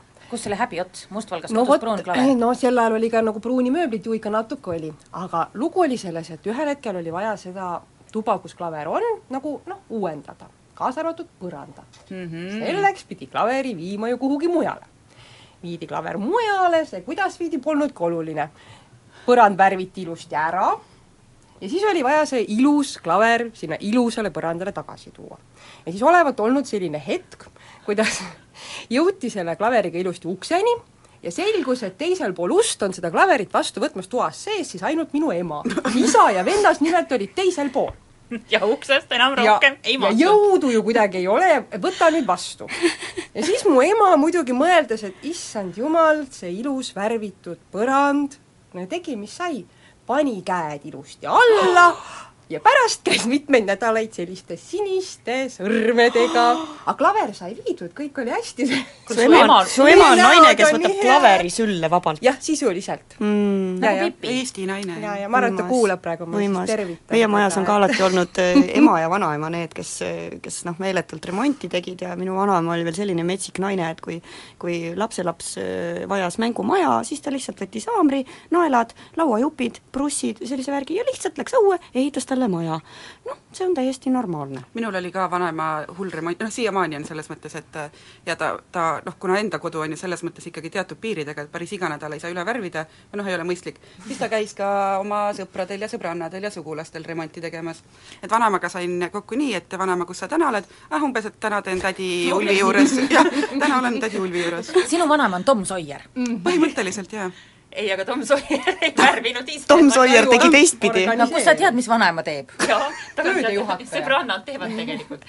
no kui kõvad remontijad te ise olete, et tapeedi saate ikka seina, on ju? no ja iga Eesti naine saab tapeedi seina no ikka, ikka, mina elasin sellises majas, kus, äh, mis oli sada aastat vana, elan praegugi, ja seal olid ka sellised äh, ärklikorruse toad, mis olid väga-väga viltuste seintega. ja noh, nõukaajal olid ju need tapeedid, mis olid sellise suurepärase sibulat meenutava mustriga No mida aeti kokku, eks ole, ja kui sein on kõver, viltu, lainetav ja kõik sinna juurde kuuluv, siis noh, selle tapeediga sai imesid teha. see oli uhke. aga nüüd sa sellest paned noh, tapeeti nagu remondimees, ma kujutan Nagu vana mees, jah. just, just. nii. ei, mina samamoodi, et mulle väga meeldib remonti teha, eriti tapeeti panna, eriti värvida, eriti lagesid, eriti seinu. Eriti? eriti kõike, jah mm. eriti kõike, minul muidugi tuleb meelde, et tõtt öelda, ühe korra ma olen pannud tapeeti ka niimoodi, et, et tapeet ei tahtnud hästi jääda, raske tapeet oli, et siis ma võtsin naelad appi.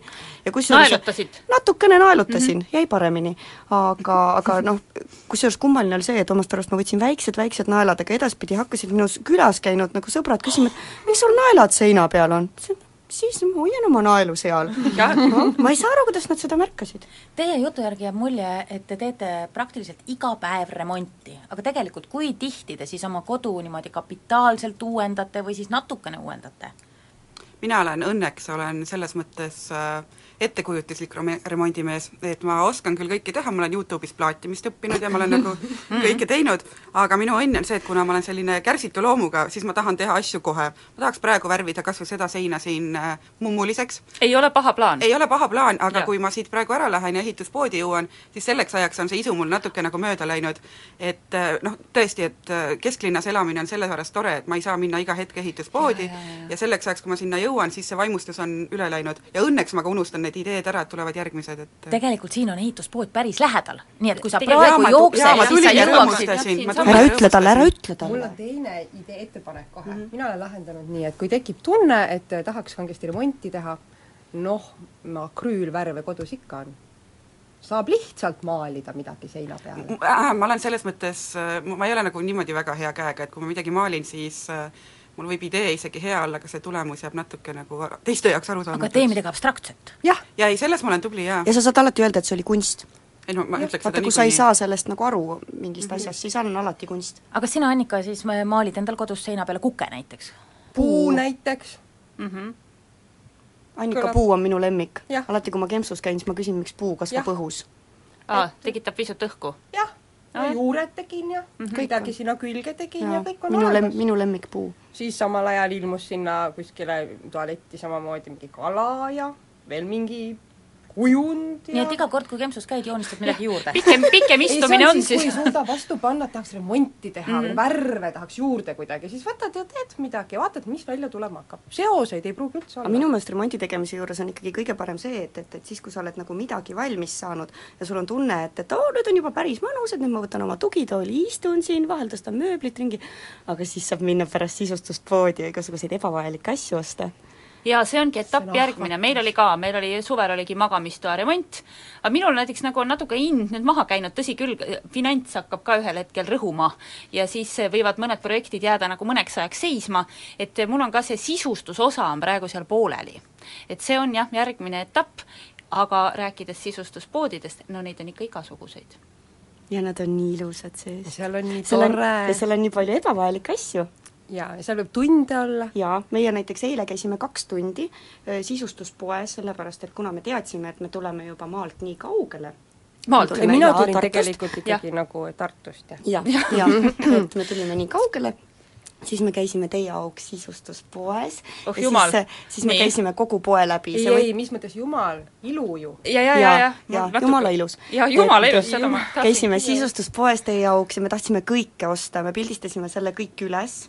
Ei no kuna finantsid hakkavad ühel hetkel ju tunda andma, siis me kõike ei ostnud. poes paar korda läksime kaklema, sellepärast et, et üks tahtis osta kummipaati, sest et Annikal oli mõte, et asi peab olema täis puhutud, mina tahtsin osta puust kaevu, mis oli meeter kolmkümmend kõrge. ei, ei, minul ei olnud eesmärk, et peab täis puhutud, mul oli eesmärk, et võiks olla alguses väike, et saaks Tartust Tallinnasse tulla ja, Ja, ja siis ja. võiks suureks saada. oota, te siis nagu tõitegi midagi või? jaa, jaa, meil on, Issake, meil nii. on Neist kumbagi me ei toonud. meil on sisustuskingitus, meil on sisustuskingitus, see on äh, ekstra, ekstra teile.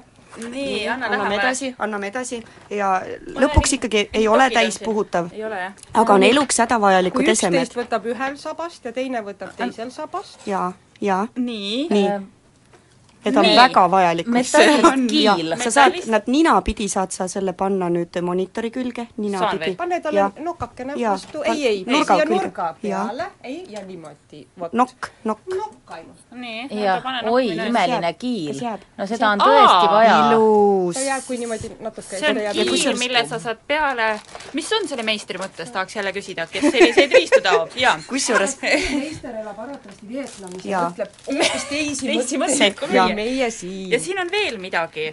seal on äh, munasoojendajad. mõelnud, et kuidas hommikul küll mune soojas hoida. jah, jah, ja, ja enam me ei pea selle peale mõtlema, sest meil on neli värvilist, värvilist munasoojendajat tekstiilist õmmeldud, nad näevad välja nagu vä väga väikesed kohvikannu soojendajad, need on nagu päkapikkude kohvikannu soojendajad, samas on nad individuaalsed aga munasoojendajad. samas on nad ka nii suured, et vahest, kui muna ei viitsi keeta, võid lihtsalt panna selle munasoojendaja laua peale ja tulijal üllatus, kui suur. et Kusjuures- kas on muna või ei ole. kusjuures tegemist on ka väga haruldase, tegemist on ka väga haruldase kingiga, sest need olid selle poe viimased, rohkem Aa, neid ei ole, rohkem. neid ei ole ja siis on meil siin kaks rohelist äh, pulka. juhul mis see on?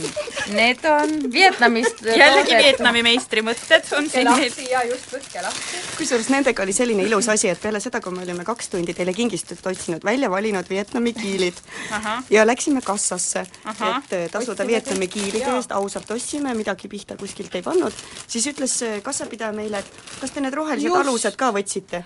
Need mina ütlesin, et mina ei alu. näinud mitte midagi, Annika ütles, et need on need rohelised asjad, mida me vaatasime me tükk aega keerutasime neid seal kiilide kõrval ringi, et Need on kiilialused. et Need on kiilialused. põhimõtteliselt on ninapidi, nokkapidi. monil laseb liugu. nokkapidi. nokk, ainult nokk. toode on kiil ja, ja kiili Jaa. alus. ja te see saate nüüd püsib see on väga ilus ja stiilne. Jaa. ja siit me saame edasi minna stiili küsimusega, et, et siis, et kas teie kodud on ultramoodsad, kas te jälgite mingit kindlat stiili, valides selliseid kauneid sisustuselemente? kas te teate, et hooajatoon on ookerkollane? Kas te teate, et me saime selle praegu teada. et on moes äh, sellised äh, idamaised mustrid? oi, siis ma olen ammu moes. no näed, nemad vist teadsid, jah? jaa, jaa, jaa, jaa, jaa. aga muidu, muidu lappate niimoodi igasuguseid sisustusajakirju ja jälgite Mm-mm. neid asju, ei? mina ei vaata, sest mul on lihtsalt endal nii palju nii häid mõtteid, et äh, et noh, mingi disainer ei tee ju paremini kui mina ise, on ju. loomulikult mitte.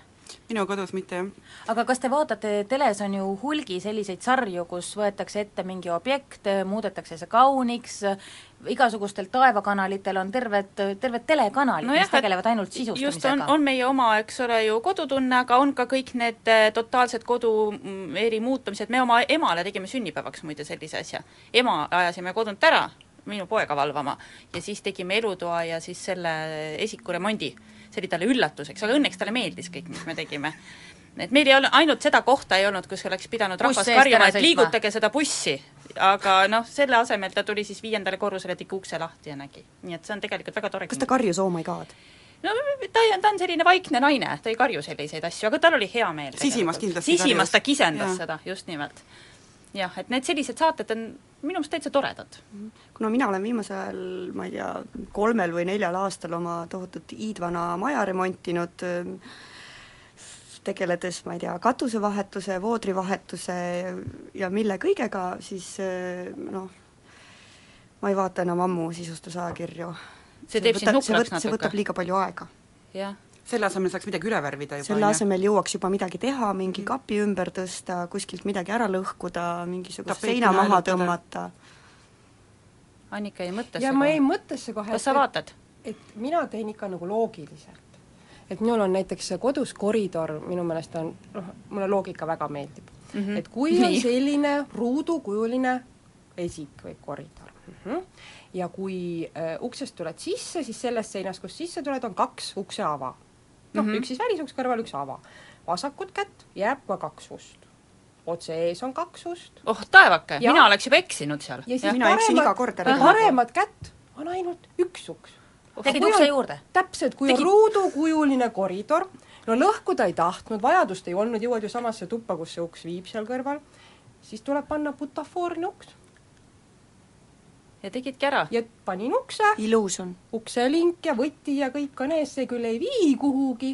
aga peaasi, et on. aga uks on ja nüüd on, kõik on loogiline, igast seinast neli ust. mitu korda on siis külalised seda ust, mida mida me tegelikult panime sinna tegelikult väikse kapi ette, et inimesed ikka nagu kogu aeg ei sikutaks seda ust lahti, jah. aga ilus on? muidugi on, ja, ja. ei no lisaks kõigele tuli seal koridoris enne siis kindlasti see koridor minu meelest kollaseks teha, hiljem selgus, et see on oranž. Ja siis uksed tundus loogiline punaseks värvida. et siis, kui jõuda juba sellisesse ruumi, siis, siis on palju uksi, mis kõik on punased ja siis koridor ise on oranž seal. Et siis sinna sobis väga hästi selline nagu natuke segadust tekitav uks veel lisaks, et minu meelest mulle, mulle tundub ka kõik väga loogiline, kui sa praegu segadust tekitavalt loogiline, et see on Jah. hästi öeldud. Triin, kas sina oled ka oma kodus midagi sellist teinud nagu butafoorne Triin, kas sa oled loogiline? mina ei ole üldse loogiline, aga ma, ma olen nii ebaloogiline, et ma ei oskaks nagu butafoorse ukse peale mõeldagi vist, et et minul on sirged seinad ja minul on ei, mul ei ole ja butafoorset ust. sirged seinad mm,. Oi, ka, ei, ei, ei, ei ole nii, tegelikult ma, ma äh, heldimusega kuulasin just, seda praegu. mõtle, kui hea on tapeeti panna. lõppude lõpuks igaühel on õigus sellisele kodule, nagu ta tahab ja kes kuulge, tahab ärge pange mind nagu halvasti tundma, et mul on sirged seinad. mina, minule meeldib- minu vend oleks äärmiselt rõõmus, kui meil oleksid ka sellised sirged seinad, et, et ei, ei, sirged seinad on väga hea, on inimesi, kes ei taha palju värvi, tahavad minimalistlikku, tahavad rahulikku kodu, no meie enda saatekülaline Ka-, Karola ütles, et tema kodu ongi väga minimalistlik, väga rahulik, sest et ta kogu aeg käib ja kujundab ja kujundab, siis ta tahab koju, kus on kõik puhas, väike, ei ole midagi kiili ilmselt tal ei ole ja, ja, ja tem-, tema on oma eluga rahul. ja kui meie oleme oma eluga rahul, on ka kõik väga hästi. suur aitäh, daamid! Aitäh, eks me ostame neid kiile juurde, sest ma arvan, et ikkagi majapidamises peaks kiil olema kõik sõbrad saavad nüüd kingituseks selliseid kauneid. aga me ei ütle, kust me need saime mm. -mm. no te olete hoiatatud.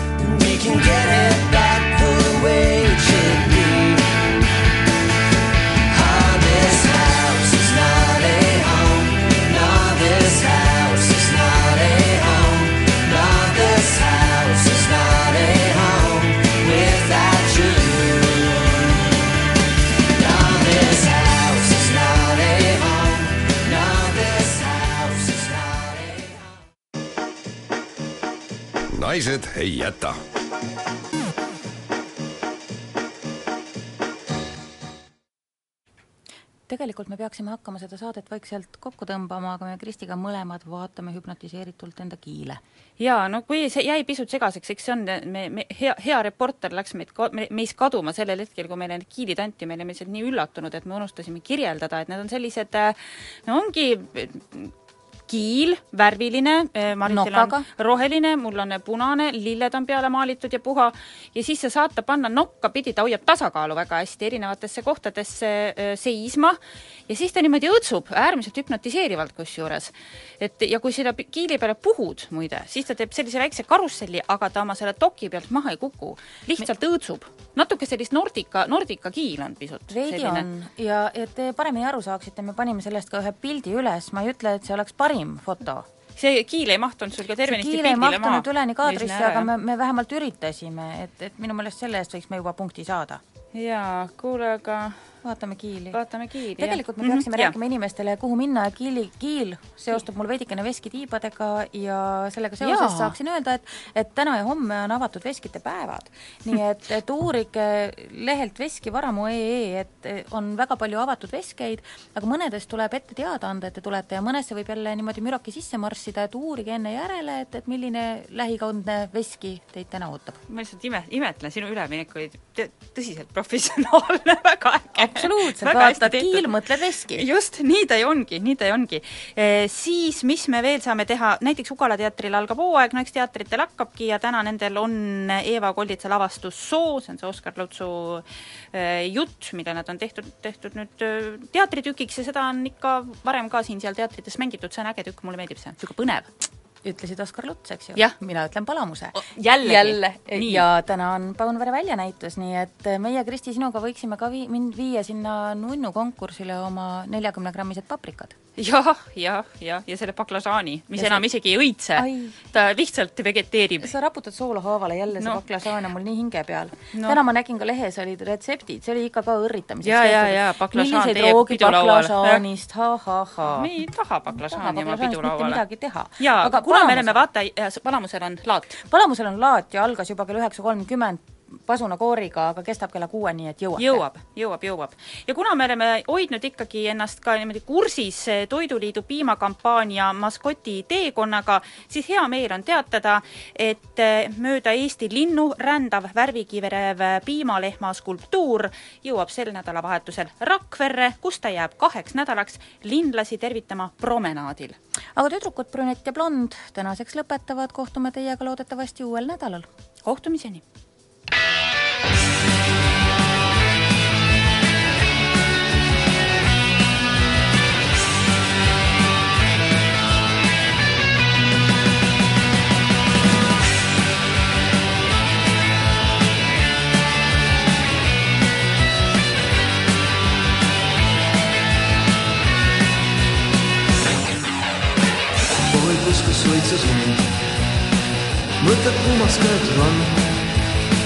uhked käivad läbi saali. tüdrukud näitab land. sama džemplit kahel õhtul. järjest teame kanamaad. üsna selle kombe teada, mis on kelle alu saab. blondi kõrval must on võlu.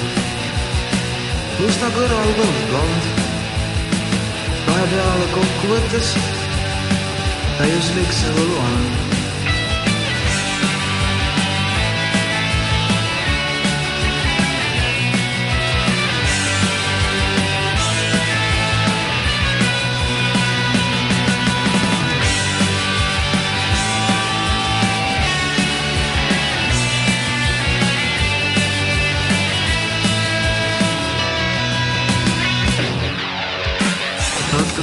Tahtlikult moodsad. laus pole näid veel neid. igas lauas on nad istunud ja on istunud lauas meil. koketeerinud joonud kokteili. mujanud, kui meil vaidlus on. aga pärast kaasa tulnud. sulle must ja mulle blond. nüüd end vaatame äkki kainelt. olis blond mu juures seal äkki kordamööda blondiks, värvi keeravad nad oma pead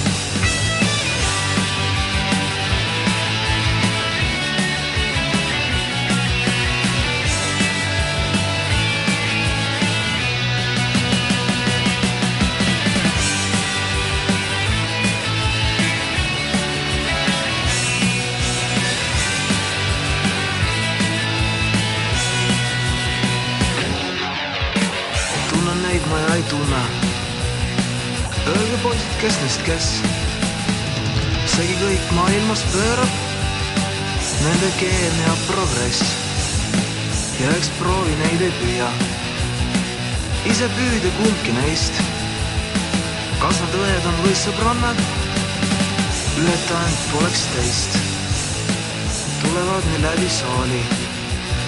sammul poolselt aeglasel lundprineid kui tõde vale läbi kõigi aegade.